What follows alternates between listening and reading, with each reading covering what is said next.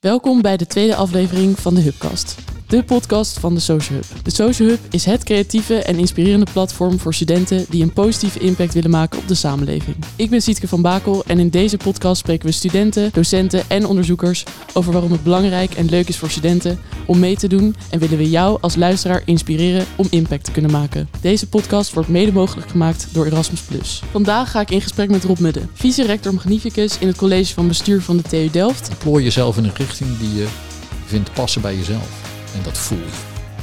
Dat voel je heel snel, want dit ben ik en dit ben ik niet. En doe dat maar gewoon. En trek je dan maar even niks aan wat de rest van de wereld ervan vindt. Het is jouw leven. En aan tafel zit ook Zomer van Noord, vijfde jaar student in Delft en actief bij de Social Hub.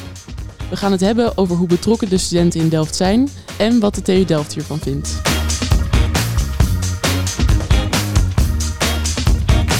Nou, welkom allebei. Ehm, Dank. Rob, fijn om je hier vandaag te hebben. Ehm, we hebben het in deze podcast over jongerenparticipatie.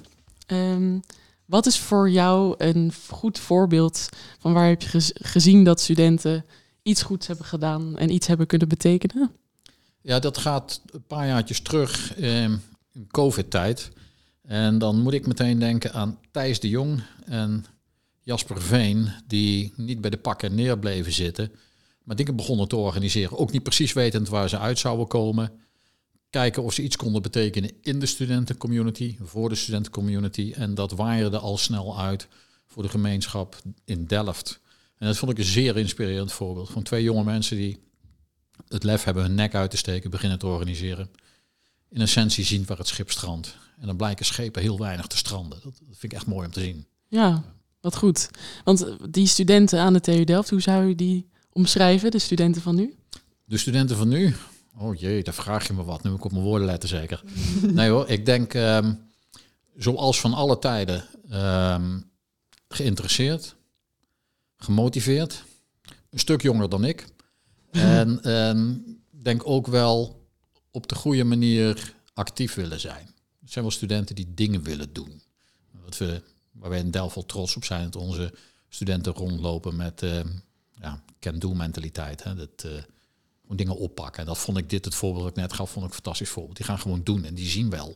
Niet eerst helemaal op de tekentafel alles uittekenen. Maar gewoon we beginnen en we stellen bij en we doen en we komen wel ergens. En dat is wel kenmerkend voor veel van onze studenten. En dat vind ik wel mooi. Denkt u dat dat anders is in andere steden? Ziet u daar verschillen? Ja, daar zie ik wel verschillen. Ja, de ingenieursmentaliteit is er wel eentje van eh, probleem aanpakken. En dus is niet alleen probleem en dan bedenken wat is het probleem en daar eh, over theoretiseren, zou ik maar zeggen, maar gewoon richting oplossingen denken. Daar zijn studenten uit ingenieurswetenschappen denk ik beter in. In ieder geval hebben ze dat meer in hun DNA zitten. Wat ik ook wel mooi vind, eh, denk dat het ook wel voor Delft-studenten bijzonder is, dat ze al werkende weg bijstellen. Dus toch een beetje het ontwerpende in zich. We weten niet precies hoe we van A naar B komen, het is vast geen rechte lijn. Maar we gaan gewoon op weg en we stellen wel bij hem. Zien we onderweg. En dat eh, vind ik wel een sterke en ook een inspirerende kant. Dat geeft wel vaak glimlachen. Ja. Ook als dingen niet helemaal goed gaan, kun je met elkaar ook wel glimlachen. Ja. Prima. Hoe zorg jij of de universiteit ervoor dat studenten een beetje maatschappelijk betrokken zijn? Ja, dat is een goede vraag. Eh, maatschappelijk betrokken, denk ik, moet je ook wel met zo'n brede studentenpopulatie breed willen opvatten. Eh, maatschappij is groot, breed, veelomvattend, zo niet allesomvattend. Denk dat wij dat doen ehm, door uit te dragen dat we het serieus belangrijk vinden dat studenten dat doen. Belangrijk voor de maatschappij, maar ook belangrijk voor hun eigen vorming. Je leert er als persoon heel veel van. Eh, je kunt daar dingen in opdoen, ehm, leren organiseren, ehm, verantwoording leren dragen, leren hoe je in een groep niet bij de pakken neerzit als het even niet werkt. Wat in de maatschappij in een werkend bestaan heel veel voorkomt. Dus dat dragen we uit dat we belangrijk vinden. Ik denk ook wel kenmerkend voor onze universiteit in vergelijking met een deel van andere universiteiten. Dat wij niet zeggen, eh, bachelor is drie jaar en dat moet je wel in drie jaar gedaan hebben. Vier jaar is prima. Maar wel met een dikke voorwaarde. De voorwaarde is dat je eh, mij kunt uitleggen wat je met die extra tijd gedaan hebt in een gloedvol betoog. En het mag niet zijn dat je goed geworden bent in Netflix of chips eten. Dat wil ik niet horen.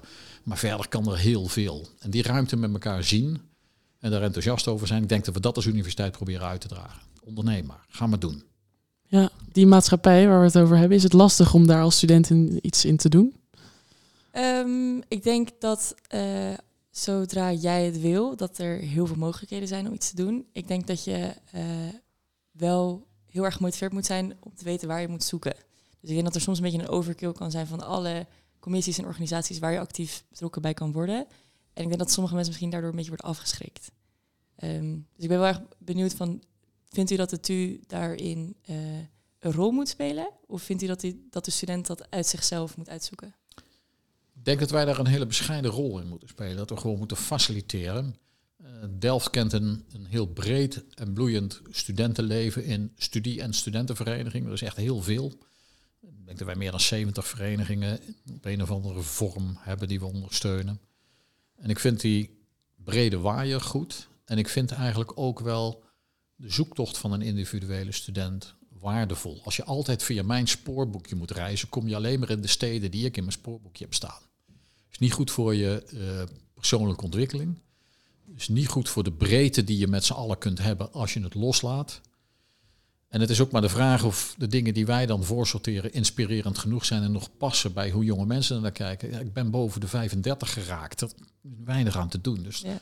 ook daarom moet je een klein beetje gas terugnemen. En het laatste, ik vind het een essentiële stap in volwassenheid. Dat je dit zelf gaat doen en zelf leert. En uh, dus nu dan misschien je gezicht een beetje stoot. Wij hebben vrij zachte muren. De maatschappij zelf heeft veel hardere muren. Hier loop je een bultje op. Niet zo erg kan. Ja. is onderdeel van dat proces. Dat vind ik belangrijk dat we dat blijven doen. Ja, bijvoorbeeld, uh, ik heb een aantal MBO-studenten gesproken. En uh, zij um, waren niet op de hoogte dat er op uh, universiteiten niet echt um, vakken worden gegeven, die vast onderdeel zijn van het curriculum. Um, die puur gebaseerd zijn op ja, je inzetten voor de maatschappij. Dus op heel veel studies bij de TU hebben we wel vakken hoe je leert om een start-up te starten. Of ja, hoe je, wat je kan doen als je wil ondernemen. Maar dat is vaak best wel een beetje de uh, commerciële kant op gericht. Um, en misschien in uh, MBO en HBO-scholen kan dat ook best wel vaak nog meer de maatschappelijke kant uh, op gericht worden. Hoe denkt u daarover? Denkt u dat we, nou ja, dat die vakken meer breder opgericht moeten worden? Of is dat wat u zegt? Um, wij leiden op, wij leiden de studenten op de universiteit op deze manier op en daarnaast is er ruimte om ook die kant zelf te ontwikkelen. Nou, je kunt dat natuurlijk altijd een beetje verbreden, maar ik ben daar terughoudend in, um, omdat ik denk dat een deel van je ontwikkeling niet via cursorisch moet gaan. Alles wat je in een curriculum stopt, alles wat je in een vak stopt, heeft de geleiding van een docent. Of die nou op de voorgrond of op de achtergrond staat, maar dat doet iets in het hoofd van een student. Doet ook iets in het hoofd van een student dat je uiteindelijk beoordeeld wordt door een examinator. Maar zo zit de wereld helemaal niet in elkaar. Dat is nodig omdat wij de kwaliteit moeten vaststellen. Maar voor een aantal dingen hoeft dat helemaal niet. Is het de persoonlijke ontwikkeling en is de precieze stap die je zet helemaal niet aan ons om van een oordeel te voorzien. En het risico van dingen in een curriculum stoppen is dat je daarmee studenten geleidt naar van oh, ik moet wel deze stap halen.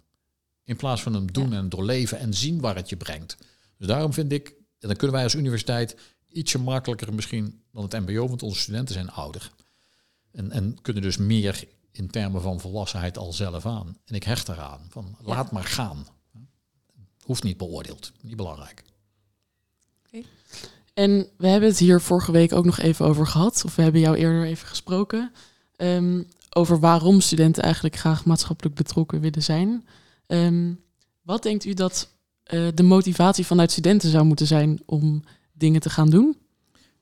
Ja, wat, wat, het van, wat het moet zijn, daar ga ik niet over. Dat moet de student natuurlijk zelf weten, maar ik heb wel adviezen. En voor mij is het belangrijk dat je je passie volgt en zoekt. En dat je hem ook durft te zoeken. Dat je uh, een klein beetje dwars in je hoofd, in je denken durft te zijn. Dus niet de mainstream volgen. Niet doen omdat de rest het doet. Zoek je eigen pad, vind ik belangrijk. En denk ook wel, waarom zou je maatschappelijk bij willen dragen. Nou, daar heb ik toch wel een mooie quote, althans ik vind hem mooi, van de, de voormalig uh, uh, zwaargewicht wereldkampioen boksen Muhammad Ali. Het is een Engelse quote en ik zal kijken of ik hem goed uit mijn hoofd ken. Service you do for others is the rent you pay for your room here on earth. Dus hij framet het heel erg in, Je wordt geacht terug te geven, want er is heel veel wat de wereld je al geeft. Geef nou terug. Betaal een figuurlijke rente. Ehm, omdat je onderdeel van het geheel bent. En ik denk dat je van universitaire studenten een stapje meer mag vragen. Het zijn allemaal heel getalenteerde mensen die al heel veel mee hebben, waar de maatschappij heel veel voor mogelijk heeft gemaakt. Jullie mogen allemaal 20 plus jaar naar school, hoef je heel weinig voor te betalen, hoef je niet voor op je knieën om dankbaar te zijn, dat is onderdeel van onze maatschappij, maar je realiseren dat je terug kan geven, belangeloos. Om belangeloos teruggeven om de maatschappij verder te helpen. Dat, ja, dat adviseer ik alle studenten om erover na te denken. En dat moet niet. Dus geen heilig moeten. Maar denk erover en zoek naar de inspiratie die anderen hebben. En ik denk dat je verbaasd zult zijn als student als je erin stapt, hoeveel plezier je daaruit kan halen. Het is zingeving. Het, het gevoel dat je bijdraagt is zingeving in je leven. Het maakt uh, nieuwe vriendschappen hartstikke leuk. En het geeft regelmatig een glimlach voor drie dagen van goh, mooi dat we dit gedaan hebben. En dat is prima, maar hoe mensen meer glimlachend rondlopen. Dus ik zou studenten vooral uitnodigen, kijk wat er is. Er is vreselijk veel wat je bij kunt dragen. En je zult zien dat het, je, um, dat het jezelf ook goed doet. Het geeft vanzelf terug. Ja. Ja. En als we het over het welzijn van onze studenten hebben, wat echt wel een stapje beter kan, denk ik, hier liggen wel mooie kansen om daar zelf actief mee te zijn.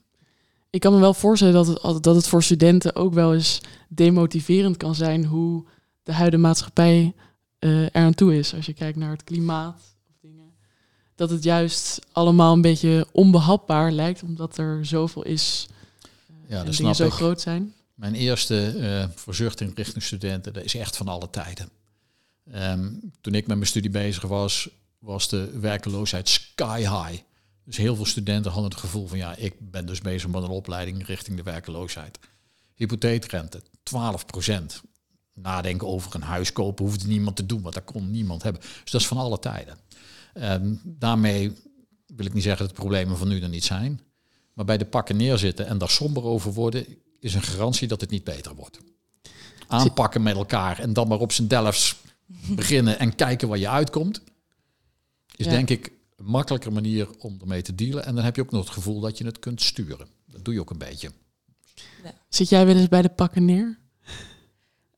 Ehm, nou, ik wilde nog heel even aanhaken op het stukje, ehm, wat misschien deels jouw vraag ook beantwoordt, ehm, over het stukje plezier halen uit eh, maatschappelijk betrokken zijn en je inzetten. Ik denk als ik voor mezelf spreek, is dat toen ik nou, 19 was tijdens corona, ik zat hier in Delft, ik had best wel veel tijd over, dat ik toen ging nadenken van oké, wat kan ik doen om, eh, nou, klinkt misschien stom, maar toch even je cv een beetje beter te maken. En toen merkte ik dat ik heel erg geïnteresseerd was in vrijwilligerswerk en maatschappelijk betrokken zijn. En sindsdien vind ik het erg belangrijk om me, eh, om me te blijven inzetten. En daarom blijf ik het ook doen.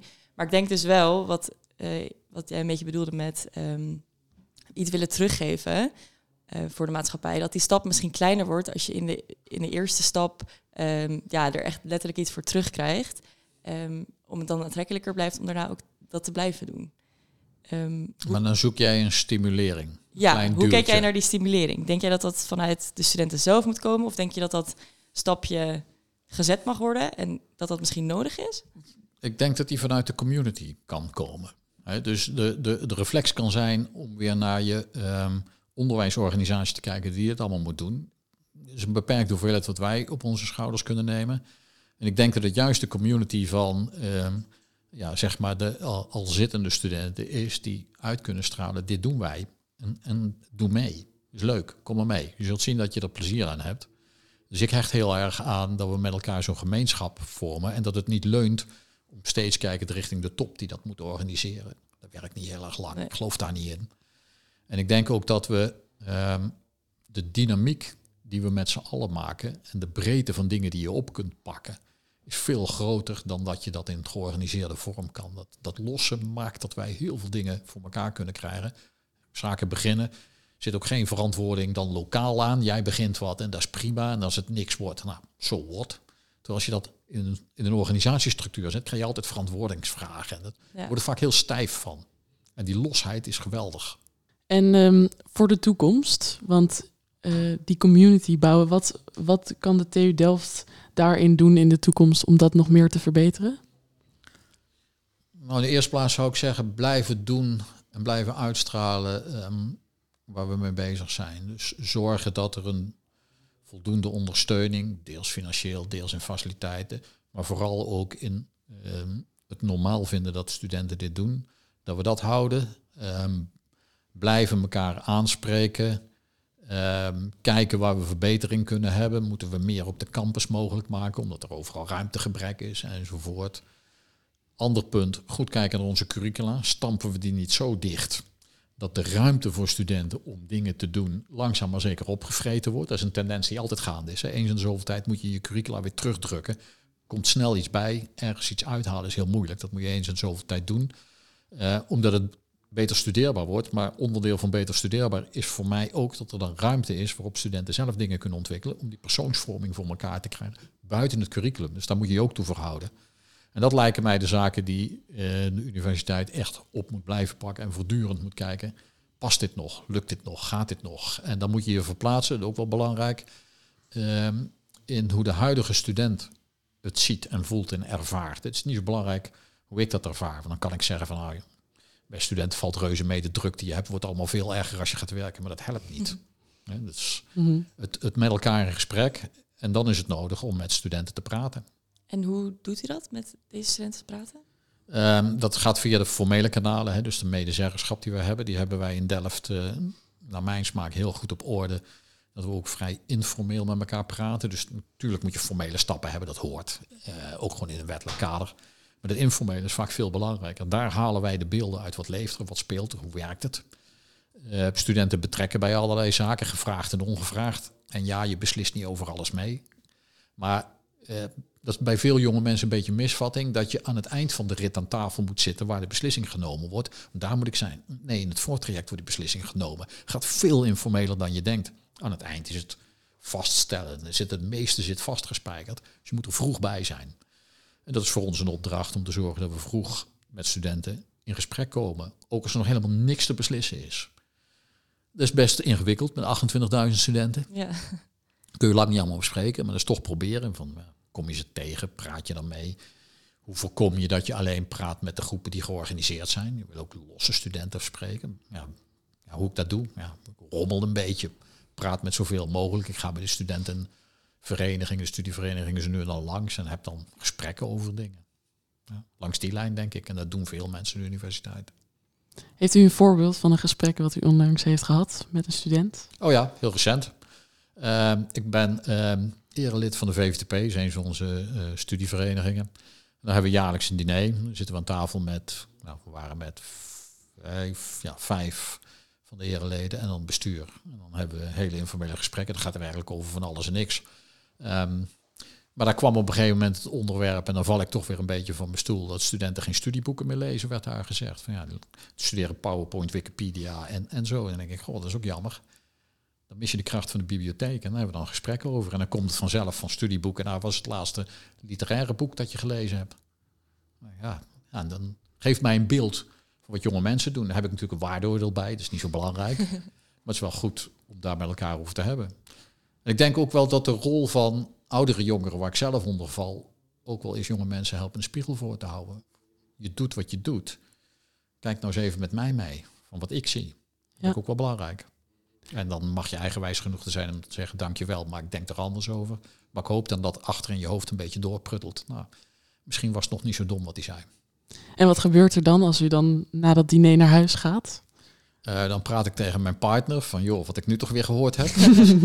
ze lezen uh, niet meer. ja, zo, ze lezen weinig boeken, dat is wel jammer. Ja, en ik, en ik neem dat mee en praat daar met mijn collega's over als we het hebben over hoe wij ons onderwijs inrichten. Van, nou, wat ik hoor is dat studenten weinig studieboeken lezen. Wat gaan we ermee doen? Gaan we zorgen dat we de powerpoints niet meer leveren? Dan ben je gedwongen een boek te lezen. Dat is een manier. Of gaan we zeggen van nou, nou oké, gegeven dat ze geen boeken meer lezen, moeten wij misschien ander materiaal maken. Uh, derde alternatief is misschien moeten wij eens met onze studenten in gesprek. Een flauw zinnetje dat ik tegen mijn eerstejaars nog wel gebruik. Uh, intellectuele lezen boeken. Ja, kies maar of je bij de intellectuelen wil horen, mag je zelf weten, maar die lezen boeken. Je kunt er ook een klein beetje een knipoog bij maken. Ja, mm. Zulke soort gesprekken. En dan zou ik wel eigenwijs gevonden worden. En dat is misschien wel mijn rol. Dat is ook wel prima. Hoe zorg je ervoor dat de TU Delft niet alleen een plek is waar studenten kennis vergaren, maar waar ze ook leren hoe ze de samenleving vorm kunnen geven? Ja, dat is wel een goede vraag. Hè. Die, die, die kennisvergaringskant is relatief eenvoudig. Dus curriculum maken, leerdoelen formuleren enzovoort, dat kun je vrij klinisch doen. Die andere kant is door te zorgen dat studium generale leeft onder studenten als voorbeeld. Dus dingen organiseren, maar die ook onder de aandacht brengen. Goed toetsen en kijken of dat aanslaat bij studenten en dan zoeken om ze mee te nemen. Andere element waar we het eerder over hadden is beleiden dat er ruimte is voor dat soort zaken in het leven van een student. Ehm, met studenten ook wel spreken van uh, verkijk je niet op ehm, het nut en noodzaak van een cv. Dat wordt door studenten heel vaak erg belangrijk gevonden. En ik kan je vertellen dat iedereen die aan recruitment doet, leest een cv diagonaal en kijkt naar de persoon die die voor zich heeft. Past die persoon bij dat cv? En als er tien commissies op staan, dan denkt de student, goh, ben ik goed bezig? En ik denk dan, heb je niks leukers te doen met je leven? Vertel het verhaal eens, dat wil ik horen. Als iemand zegt, ja, maar ik ben ontzettend begeesterd te organiseren. denk ik, goed verhaal. En als iemand niet verder komt van, ja, ik vond het belangrijk om te doen. Dan, uh, wou al die ervaringen hebben. Dan denk ik, nou, dat vind ik wel een beetje klinisch geredeneerd. En dat doen heel veel van de mensen in de universiteit. Dit soort gesprekken proberen te hebben met jonge mensen. En zo te stimuleren. Um, ontplooi jezelf. En vergeet daar niet bij, vind ik echt wel belangrijk. Ontplooi jezelf in een richting die je vindt passen bij jezelf. En dat voel je. Dat voel je heel snel. Want dit ben ik en dit ben ik niet. En doe dat maar gewoon. En trek je dan maar even niks aan wat de rest van de wereld ervan vindt. Het is jouw leven. En ik denk dat met elkaar, hè, die, die, die sfeer maken. Wel met het, het, het onderliggende regeltje. Blijf nog niet op de bank hangen. Ja, zonde van je tijd. Je bent echt maar één keer jong. Kan zo verschrikkelijk veel als je jeugdig bent. Dat houdt op als je aan het werk bent. En met het klimmen der jaren verlies je daar de fut ook een beetje voor. Dus doe dat nou. Nu kan het. Superleuk. Ik denk wel dat er, uh, ik zou willen dat, het, dat de CV helemaal niet uit zou maken. Maar ik denk dat er best wel veel bedrijven uh, daar wel best wel harde eisen aan stellen. Dus er zijn echt wel bedrijven die zeggen van je moet minstens uh, zoveel stage hebben gelopen of je moet minstens zoveel uur nevenactiviteiten hebben zitten. En ik denk dat studenten die druk ook wel heel erg voelen. En daarom misschien een beetje zo denken. Ik snap dat. Um, en ik relativeer, relativeer dat meteen. Er is een schrijnend gebrek aan technisch geschoold personeel. Bedrijven kunnen een grote mond hebben. Als puntje bepaald komt, hebben ze helemaal de keus niet meer. Die ligt nu bij de studenten. Dat is anders geweest. Als de werkloosheid hoog is, dan zul je moeten schikken. Nu valt er mee. En een ander ding, ik denk dan ook, nou ik zal nette bewoordingen gebruiken. Joh, veel succes ermee. Ik wil bij jou niet werken als dit jouw maatstaf is. Ga naar een ander. Ja. ja, klein beetje zelfvertrouwen. En heel veel banen blijken leuk te zijn. Hangt er helemaal vanaf waar je er zelf in stopt. En als het niet leuk is, mensen, ga het gewoon weer weg. Dan zoek je een betere. Ja, met een klein beetje zelfvertrouwen erin. Hè? Dus niet arrogant, maar een klein beetje zelfvertrouwen. Dit is mijn route. Ik wil dit doen, dit vind ik leuk. En als een ander dat niet vindt, ook goed. Is dat nog wat bij de, bij de studenten mist, een beetje zelfvertrouwen?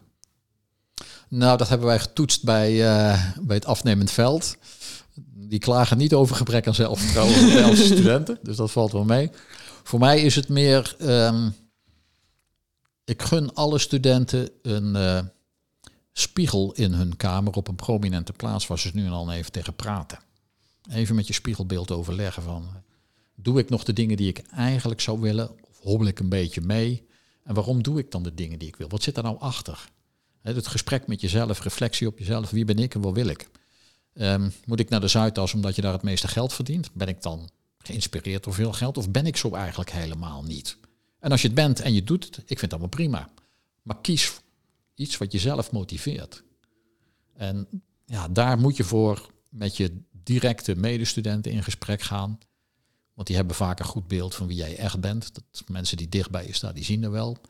Die hebben de vertrouwdheid om daar ook wat tegen je over terug te zeggen. En meestal gaat dat vragend of met een grap. Maar praat ook met jezelf. Zo belangrijk. Ja, en dat mis ik wel. Klein beetje reflectiever. Dat zou Sterker in schoenen staan misschien. Ja, ja dat, dat doe je door die reflectiviteit aan te zetten. Ja. Dat, dat je kunt denken van, nou ja, ik heb, ik heb goed met mijzelf overlegd. En ik wil dit en dat de rest van de wereld het niks vindt. Nou ja, fijn voor de rest van de wereld. Ik vind dit mooi. Nou, prima. Ik denk uh, hele goede motiverende woorden zijn dit. Ik ben nog wel benieuwd. Stel er luistert nu iemand en die denkt, ja, maar waar moet ik beginnen? Wat zou u dan tegen die studenten zeggen? Nou, in de eerste plaats dat het niet zo verschrikkelijk veel uitmaakt waar je begint, als je maar begint. Dat is toch waar ik in het begin mee begon. Twee studenten die in de COVID-periode, denk ik, ga niet bij de pakken bij eh, neerzitten. Die hadden volgens mij niet een plan om van A naar B te komen. Ik betwijfel of ze precies wisten wat B was. Die zijn gewoon begonnen. Doe dat maar. Praat tegen jezelf en praat met je omgeving. En dan zul je zien dat er vanzelf uit groeit hoe je over jezelf na kunt denken, over de stappen die je zet. En dat is in het begin raar. Middelbare scholieren zijn dat volstrekt niet gewend. Dat is begrijpelijk, want dat hoort bij de levensfase waar je in zit. Dus dat moet je ook een beetje leren. En tegen die studenten die daarmee worstelen, zou ik zeggen, laat nou die worsteling toe. Ben niet zo streng voor jezelf. Natuurlijk weet je dat niet meteen. En het is ook niet zo dat ik elke avond tegen mijn spiegel praat en dan weet ik voor de komende weken wat ik moet doen. Zo werkt dat niet. Dus laat een beetje ehm, onrust en, en gebrek aan precies weten hoe je dit moet doen voor jezelf toe. Dat geeft helemaal niks. Kwetsbaarheid naar jezelf en naar je kleine omgeving is prima. En dan zul je vanzelf zien dat je hier zowel aan wendt als daar een soort routine in krijgt van hoe dit voor jou werkt. En dat gewoon je, je eigen kunt maken. En het brengt je heel erg ver. Het brengt je in. Ehm, en, en ver is niet in zin van een glanzende carrière, maar het brengt je stabiliteit. Het brengt je zelfvertrouwen. Van nou ja, ik heb hierover nagedacht. En ik heb hier eens met anderen over gesproken. En ik vind dit prettig en ik vind dit leuk. Nou, prima. Ja. Een klein beetje durf en vertrouwen in jezelf. En een klein beetje mild naar jezelf dat je het allemaal niet zo goed weet. Dat is toch, ik heb, het verbaast misschien, ik heb nooit een carrièreplanning gedaan. Helemaal niet. Ik heb nooit verder vooruit gekeken dan vijf jaar. De toekomst is veel te onvoorspelbaar. Gewoon begonnen, ergens begonnen en toen... Ja, ik had de ambitie, uh, ik wist al op mijn 15 dat ik natuurkunde wilde gaan studeren. Dat is natuurlijk makkelijk als je dat weet. Ik weet ook niet waarom, dat kan ik helemaal niet uitleggen. Uh, anders te zeggen dat ik dat het allerleukst vond. Ik bleek er nog redelijk talent voor te hebben. Toen ben ik gaan studeren. Toen vond ik uh, aan het eind van de studie, denk van, ik ga promoveren, lijkt me superleuk. Tijdens mijn promotie dacht ik van, nou, ik wil eigenlijk aan de universiteit werken. Ja, waarom? Omdat het me aanspreekt. Dat ben ik gaan doen. Um, dat was op zich wel grappig. Toen ik een positie kreeg hier in 88 aangeboden aan de, uh, aan de TU, belde ik enthousiast mijn vader op en uh, zei ik heb, uh, ik heb een positie gevonden op de universiteit. En hij zei gefeliciteerd. Nou kun je nog een jaar of tien onderzoek doen. En ik heb mijn enthousiast. En nee, nee, nee, nee. Ik heb een, waarschijnlijk een vaste positie. Als ik me netjes gedraag en goed mijn werk doe, vaste positie, kan mijn hele leven onderzoek doen.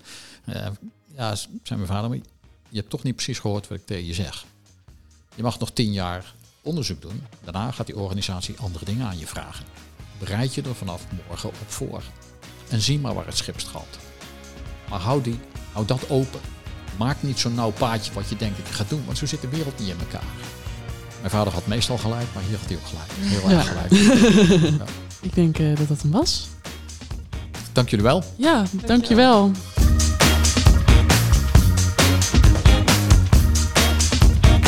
Bedankt voor het luisteren naar de Hubcast. Als je meer wil horen, luister dan naar de aflevering van volgende week, waar we in gesprek gaan met Green to You en Students for Sustainability. Of naar een van onze andere afleveringen.